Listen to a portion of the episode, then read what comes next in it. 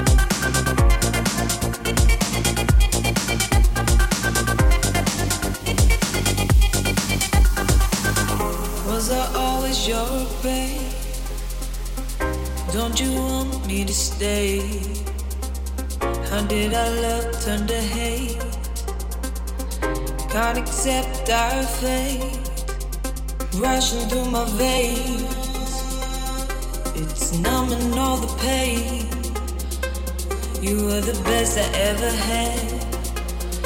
Maybe poison isn't that